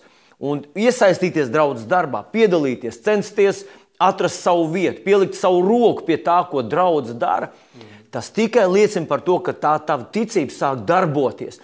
Un tas nozīmē, ka tu atdzīvojies kā garīga būtne, kā Dieva bērns, tu esi atdzīvojies. Jā, tu, tas tu, ir. Tu ļoti labi iezīmēji šīs divas aspektus, kurus gribēju arī uzsvērt. No. Ka pirmais ir, ir šis, ka nu, tu vari skatīties kaut kur YouTube vai internetā, skatīties dažādus uh, treniņu plānus un kā tas ir jādara, bet ja tu to nesāc praktizēt, tāpat ir daudz kristiešu, kas noskatās vienu dievkalpojumu, ieskatās nākamo dievkalpojumu, caur nedēļu skatās dievkalpojumus, bet nekad arī neņem to vārdu, nesagramo to, nepielieto to. Tātad tas nav tas Dieva pilnīgais plāns. Vienalga, kurā draudzē tu esi, saņem to vārdu, ko Dievs uz tevi runā, pats studē Dieva vārdu un lieto to. Dzīvo. Un dzīvo jā, tajā. Jā. Un tāpat arī šis otrs aspekts ir tātad dzīvo savā ikdienā, bet tas otrs aspekts ir draudzē, kur iespēja kalpot, pielikt savu roku.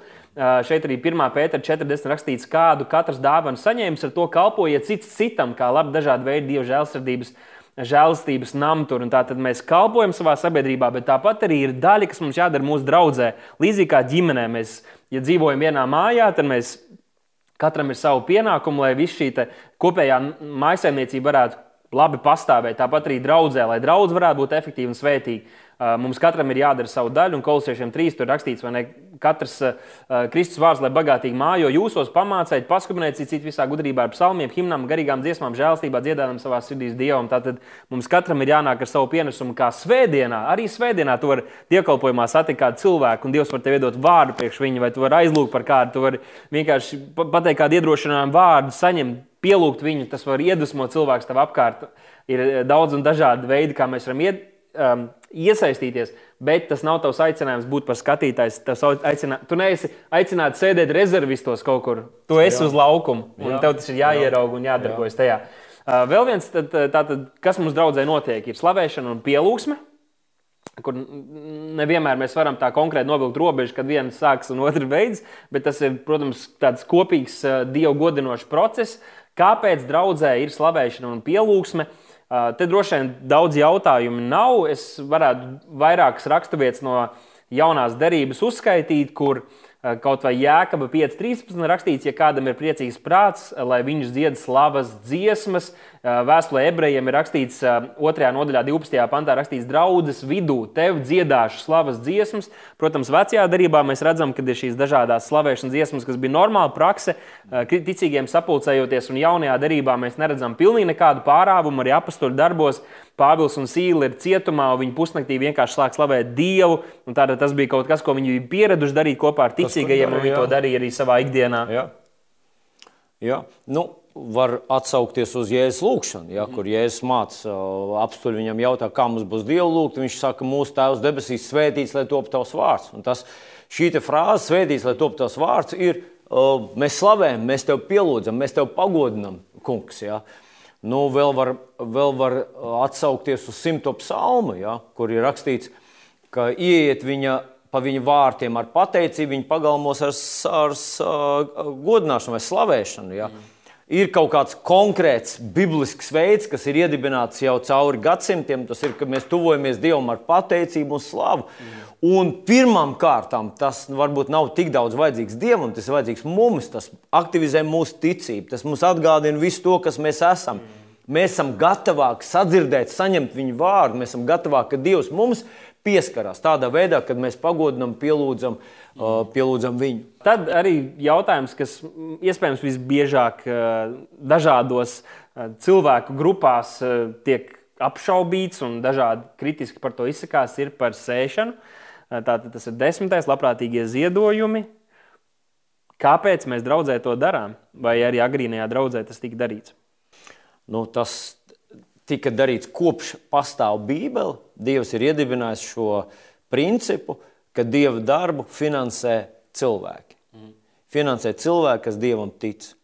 Salamana templī, jā, tur visus templus pēc kārtas. Mūzis, kad viņš cēla pirmo telti, ja cilvēki atnesa savus, salika kopā savus ziedojumus. Un, un Dievs būtu varējis dažni dažādos veidos to izdarīt. Jā, kā mēs lasām atklāsmes grāmatā, jaunā Jeruzaleme uz jaunās zemes un jaunās debesis nonāks no debesīm. Jā. Tas būs kaut kas, ko Dievs būs izveidojis un, un kas nonāk šeit un būs mūsu rīcībā. Bet šajā zemes dzīves laikā Dievs ir iedibinājis tādu sistēmu. Jā. Un tā ir mūsu privilēģija, ka no tā, ko Dievs mums ir devis un Dievs mūs svētīs, Viņš mums devis spēku, devis spējas, devis visas lietas, ka mēs varam kaut ko nopelnīt, ka no tā mēs arī finansējam Dieva darbu un, un, un to, ko Dieva plāns šeit virs zemes. Bet tajā pašā laikā tā ir arī daļa no pielūgšanas. Tajā pašā laikā tā ir arī viens no mehānismiem, kā mūsu sirds paliek pie Dieva un faktiski atkal Dievs būtu varējis visu visādi izdarīt.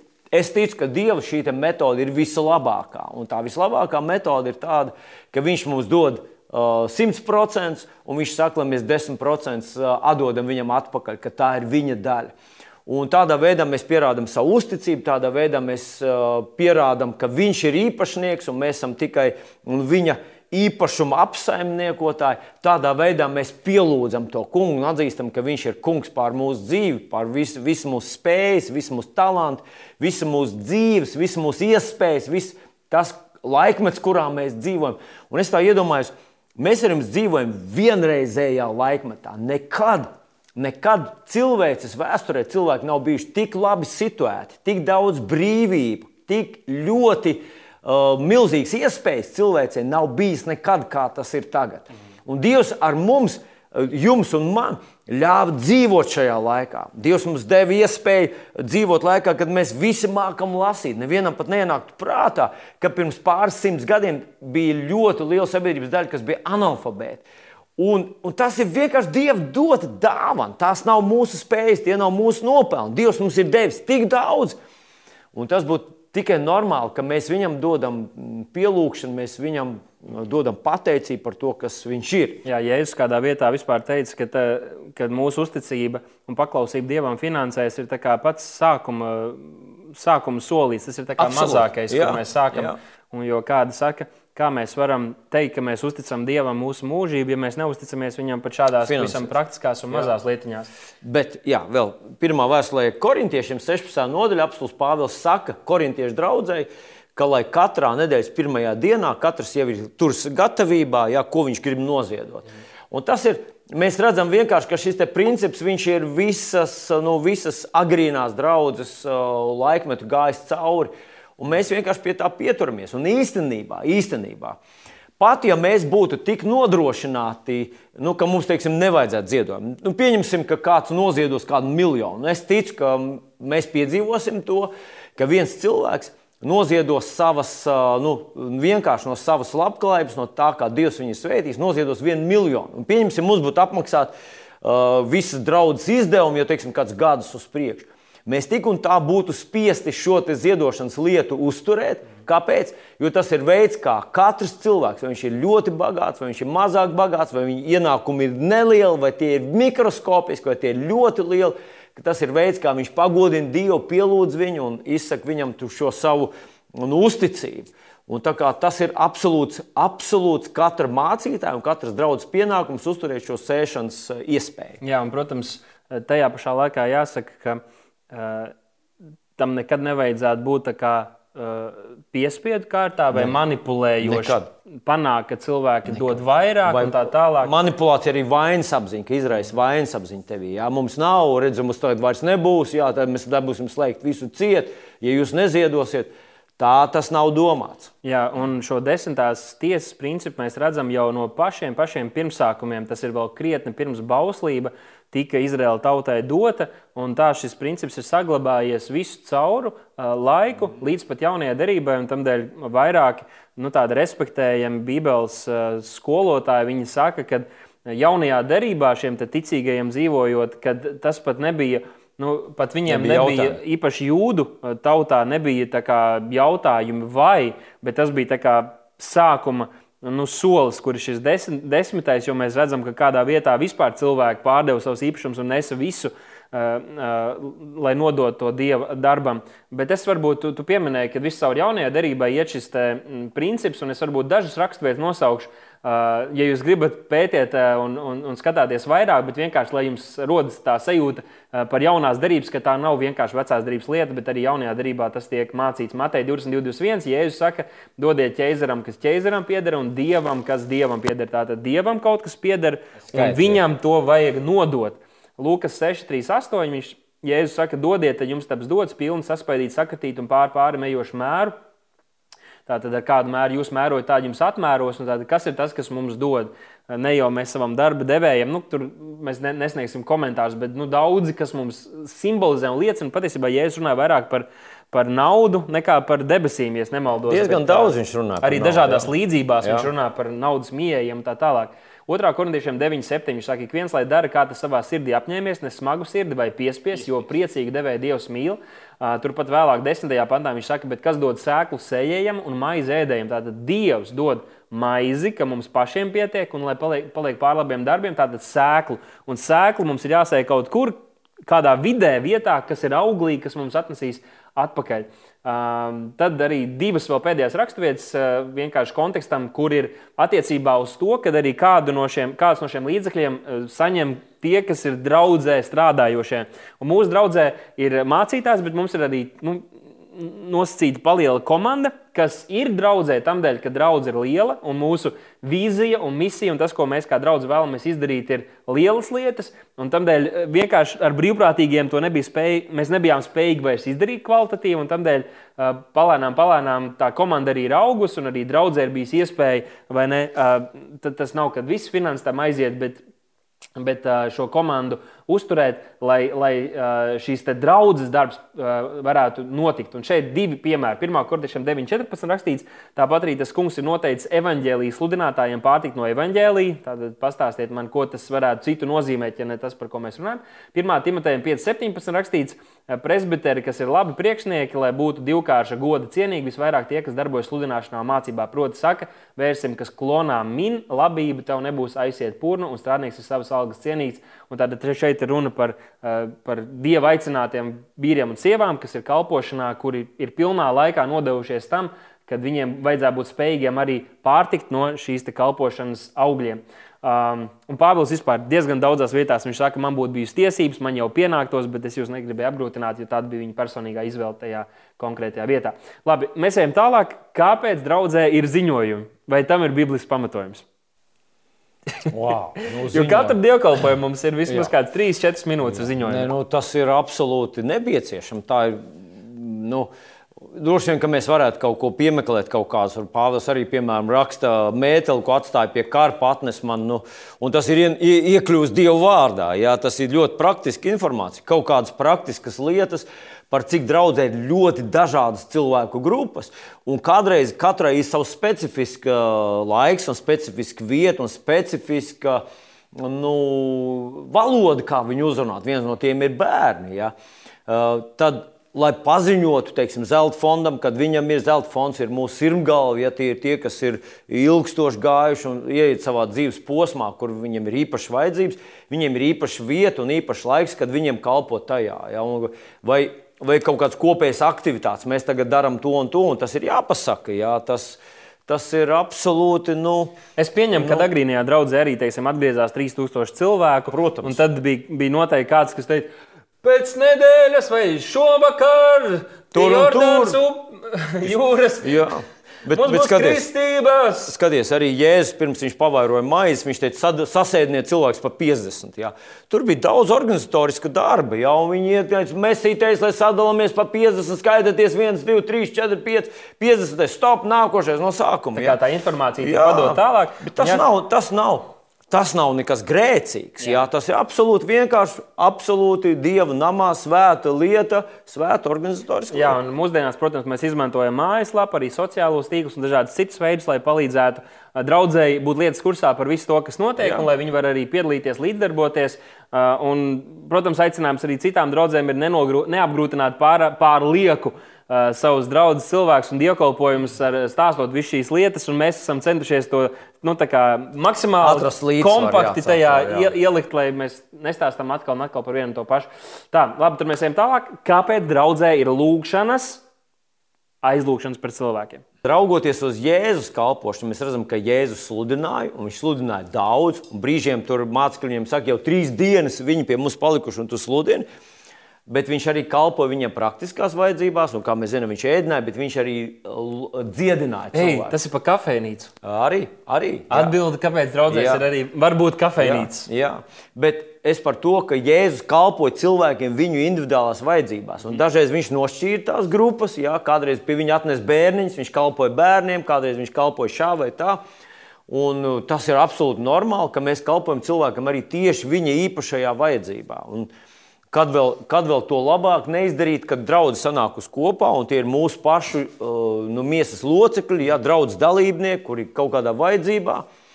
Un mēs lūdzam par viņiem. Tas ir absolūti bibliski un pareizi. Uh, labi, jā, Efeziešu vēstulē, uh, 6. nodaļā, tur Pāvils saka, ar visām lūgšanām un lūgumiem lūdziet Dievu garāku brīdi, tajā pašā, tajā pašā laikā esiet arī nomodā un pastāviet savā aizlūgšanās par visiem svētajiem. Un šeit jāsaprot, ka, lai gan mēs visbiežāk šo raksturvietu lasām mājās, mūsu personīgajā laikā ar Dievu, to viņš rakstīja draudzēji. Tātad draudzēji, un tas bija aicinājums draudzēji lūgt, un arī mēs pastāvam lūgšanā.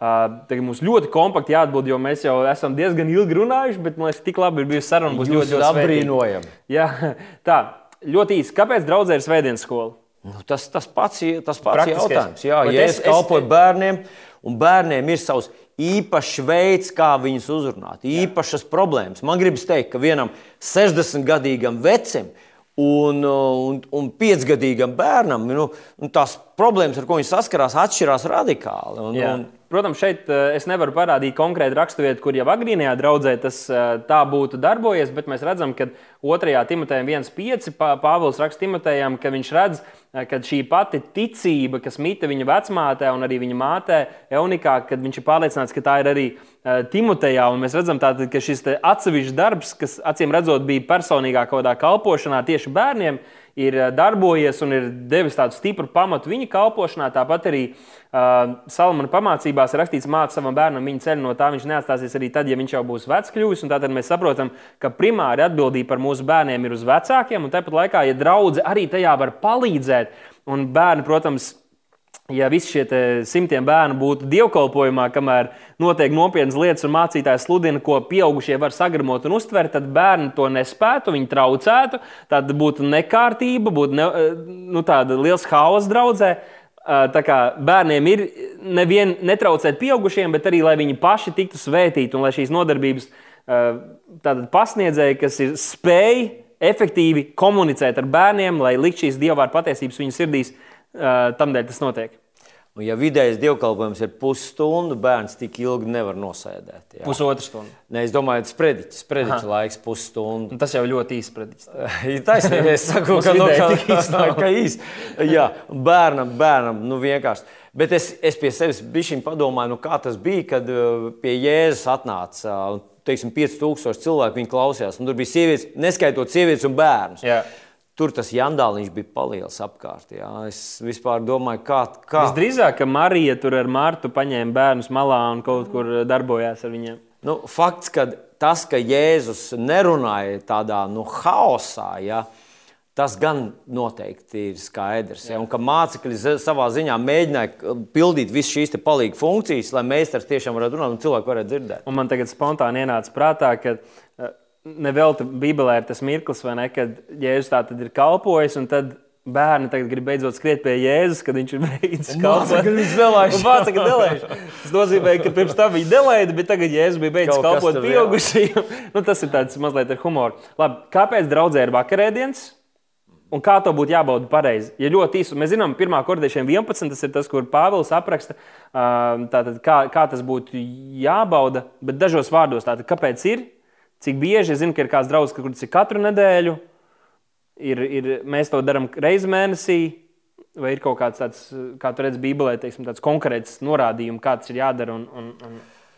Nu, mēs Kāpēc? neredzam Bībelē uh, konkrēti norādījumu. Mēs redzam, ka agrīnā draudzene to baudīja. Mēs redzam, apstuļu darbos otrajā nodaļā, apstuļs, uh, tas laikam nebija Pāvils. Uh, tur rakstīts par agrīno draugu, ka viņi pastāvēja apstuļu mācībā, maizes laušanā, mm. sadraudzībā un lūkšanā. Ja. Mm nu, tā maizes laušana varēja nozīmēt gan vakariņot, ka viņi vakariņoja kopā, gan arī varēja šo vakarēdienu nozīmēt. Nu jā, bet tas, tas... ka Pāvils raksta korintiešiem par to, kā to baudīt, mēs saprotam, jā. ka agrīnajā draudzē tas tika jā, praktizēts. Jā, jā. Ne, es runāju par to regularitāti, ja, ka, tā, ka tā varbūt ir tāda, nu, tāda nu, nav nodefinēta. Mm. Un man, manā izpratnē, ka to var darīt arī ģimene, mājās, jā, to var darīt viens pats cilvēks. Un manā izpratnē Jēzus iedibina šo vakarēdienu. Un kā mēs zinām, viņš to iedibināja pirms viņš cieta. Ja viņš teica, smilgojies ar to jum, ar jums ēst, un viņš iedibina, šeit sākās jauna derība, un šeit ir e, nu, pavisam jauna noteikuma. Sākās šī jaunās derības attiecības ar Dievu, kur Jēzus priekš mums noslēdz. Mhm. Manuprāt, Tas lielā lieta, ko vakarēdienas mums dara, viņš pavērš mūsu skatu uz to, ko Kristus priekš mums ir izdarījis. Ka mēs dzīvojam jaunos noteikumos, mēs dzīvojam jaunā žēlastības derībā. Un dažreiz ir tādi laiki, kad, nu, kad ir vieglāk mm, nu, to apjaust, ka tā ir. Jā. Un dažreiz ir grūtāk. Un man gribētos teikt, ka tas ir gandrīz vai, gandrīz vai tas, kā es to atstātu. Kā, draudzē varbūt tas ir viena kaut kāda, kā mūsu draudzē, tas ir reizes mēnesī. Jā bet tā mazā grupā, kur, teiksim, tu zinot, mazās grupas vadītājs, es esmu, mums ir teiksim, septiņi cilvēki, un es zinu, ka šobrīd mēs ejam cauri tādam grūtam laikam. Un tad mēs varam to katru reizi, gan arī katru dienu mēs varētu baudīt to, un kungs, mēs svinam to, mēs uzticamies tev. Un tā būtu, varbūt, varbūt tā būtu pat kaut kāda tāda man ticības rīcība, ja mēs to darām, kungs, mēs uzticamies, mēs paļaujamies uz tevi, mēs ticam kā, kā Iesai 54. teikts, 10. gan kalni atkāpsies, gan pakalni sakustēsies, man žēlstība no tevis neatstāsies, man miera derība nešķobīsies. Tā ir par jauno derību runa. Ja? Nu, mēs to atkal sev atgādinām, mēs to pasludinām, mēs uz to paļaujamies. Ka tas varbūt ir tāds, tāds ļoti nenodefinēts, bet tas ir kā tu to gribi, kā tu to izjūti, kā tu to gribi ticībā baudīt, tad to dari. Bet Tas lielais, lielais uh, ko es varbūt gribu divos vārdos, un mēs esam notērējuši tik daudz nu, laika. Arī noslēgsim. Jā, ka, ka būtu ļoti svarīgi pamanīt, ka šis vakarēdiens tieši runā par to, ka katram no mums ir pieeja. Ka par katru no mums ir samaksāts, ka Kristus ir tas, kas mūs glābi, kas mūs svētī, kas mūs padara cienīgus baudīt no šī iestādījuma ka tas nav tāds uh, svētuma eksāmenis. Ja tu esi gana svēts, tad tu drīkst, un ja tu neesi gana svēts, tad tu nedrīkst. Tad tas tev būs vai dieniņa pasargā Dievs, ja tev nokaltīs kāju vai, vai izžūs mēli. Uh, tur drusku pārprot tie cilvēki, un mēs kādreiz varētu ilgāk pie tā apstāties. Ko tad Ko Pāvils ar to domā, kad viņš saka, ka daudz no jums ir miruši un, un citi ir neveseli, kas necienīgi bauda? Bet tā galvenā doma, kad mēs baudām vakariņu, kad mēs paskatāmies uz Jēzu, pateicamies, svinam, uzticamies Viņam. Viņš ir tavs kungs, tavs glābējs. Un jo īpaši to darīt tieši tādos grūtos laikos, es tā ieteiktu. Jā, tā tad uh, sirds bībā, novērtējot Kristus upuri. Ticībā, jā. Ticībā un, mēs uz viņu to, to baudam. Uh, nu, lūkšanā vai nekoncentrēties to. Un tāpat laikā Mēs ticam, ka vakarēdienam nav tikai simboliska nozīme, bet tas tiešām arī ir garīgs eh, nu, process. Tajā, tajā mirklī, kad tu to baudi, varbūt nu, kaut kādas paralēlas ar Eģiptē, kad Izraēla tauta bija un kad viņi baudīja šo jēru, kad tu vari kā, ticībā saņemt, es vismaz, kad to baudu, paldies Tev, Tēvs, ka esmu dziedināts ar Jēzus brūcēm. Šajā mirklī savienojos ar šo, reāli, ar šo patiesību un ar ka Jēzus asins tika izlietas, lai es būtu vesels, lai es būtu dziedināts. Tas, tas ir pavisam garīgs arī process, ne tikai simbolisks. Nu, es gribētu teikt, ka tas ticība, uzticēšanās Kristus vārdiem, ticībā tu to pieņem. Kāda arī nebūtu tava tā situācija, tu ticībā atraisi Dieva spēku par to. Jā, ļoti pareizi. Ja tu esi Atdevis Kristum savu dzīvi, tu uzticējies viņam, tu vari un tev vajag to baudīt. Jā. Un īpaši, ja tu sajūti svētāk ar pamudinājumu, tu vari to darīt arī mājās. Jā. Bet kas tas ir? Tā ir vienkārši jebkura baltmaize, grauzdiņa, vienalga kas. Vienalga. Tā ir vīnogu sula, vīns, abols sula, ūdens. Vienalga. Nē, nu, tradicionāli, tra, nu, draudzē, protams, ka mēs cenšamies pieturēties pie nu, tā. Nu, Jēzus lietoja tādu vīna koku. nu, Jēzus au, lietoja, ka tas ir vīnogs sula, visdrīzāk tā bija kaut, kād, kaut kādā stadijā. Uh, Un, uh, un tā bija neraudzēta maize. Jā. Viņš bija ebrejs, um, viņš bija ebreju, svinēja ebreju pasku. Pēc vecās derības standarta mēs zinām, ka Jēzus izturēja to absolūti un galīgi, ka tā bija neraudzēta maize, nedrīkstēja atrasties mājās. Nekā. Tā, tā bija maca, kur viņš lauza starp saviem uh, mācekļiem, un viņi dzēra no tā biķera. Visdrīzāk tas bija nu, kaut kādā kaut kādā nelielā tādā ierūgus, izrūgus vīnogu sula. Jā, bet tieši tajos pašos nu, priekšmetos jau nav tā, tā būtība. Tā kā tas var būt. Mēs arī bijām, mēs bijām Kāzas, tātad ārzemēs uz kādas salas es vadīju kāzas, un tur mums nebija iespējams tikt pie sulas. Es teicu, vai paņemam rekur ir grauzdiņi, te ir ūdeni ieliesim, un tas tikpat būs Dieva klātbūtnes piepildīts process, tāds, kā ticībā mēs to darīsim. Ja tas būtu svarīgi, ka tur ir kaut kāda recepte, tad Pāvils būtu atstājis. No tā kunga es saņēmu, tad rakstīt trīs trīs karotītas miltu, jā, eļļa, tur tas, tas, un vīnogu sulu šitādu un tādu sarkanās vīnogas vai, vai, vai tādas vīnogas. Protams, lai tas tev netraucē, lai tas nav kaut kāds saldējums jā. vai kaut kas tāds pavisam tāds, nu, lai jā. tu vari. Lai tu vari koncentrēties jā. uz Kristu, nevis to ēdienu. Jā, jā. Uh, ne tajā ēšanā ir tas noslēpums. Čipsus var lietot? Uh, nu, da, tas jau būtu nu. piedāvājums. Nē, nē, nu, es saku, ja tu to ar tādu sirds vientiesību, ticību un bijību esi Dievu priekšā, un tev nav nekā kā čipsi tikai. Ja? Pff, Domāju, ka Dievs neapvainotos uz to. Varbūt šeit būs daudziem, ko piedāvāt. Nu, mēs nedomājam par, par tiem, kas piedāvās. Mēs vienkārši gribam sludināt Kristu. Uh, nu, ko, paldies par uh, sarunu. Man bija interesanti, un man liekas, tas bija ļoti, ļoti vērtīgi, ļoti fundamentāli tādu nu, tādu pamatni. Noklājām jā, mēs, mēs, Ātri mēs izskrējām cauri. Norunājuši, jā, noteikti nākamajos epizodēs, gan ar, ar tevi, gan ar mācītāju līgu mēs runāsim. Ja jums ir kādi jautājumi, tēmas, par kurām jūs gribētu, lai mēs runājam šeit, šajā podkāstā, tad lūdzu, lūdzu, lūdzu, rakstiet man personīgi, vai tāpat komentāros. Tāpat atgādiniet, ielieciet īkšķīt uz augšu, vienalga, kur jūs skatāties vai klausieties. Um, padalieties ar šo podkāstu, un tad jau tiksimies pavisam drīz atkal citā epizodē. Labi, esiet svētīti!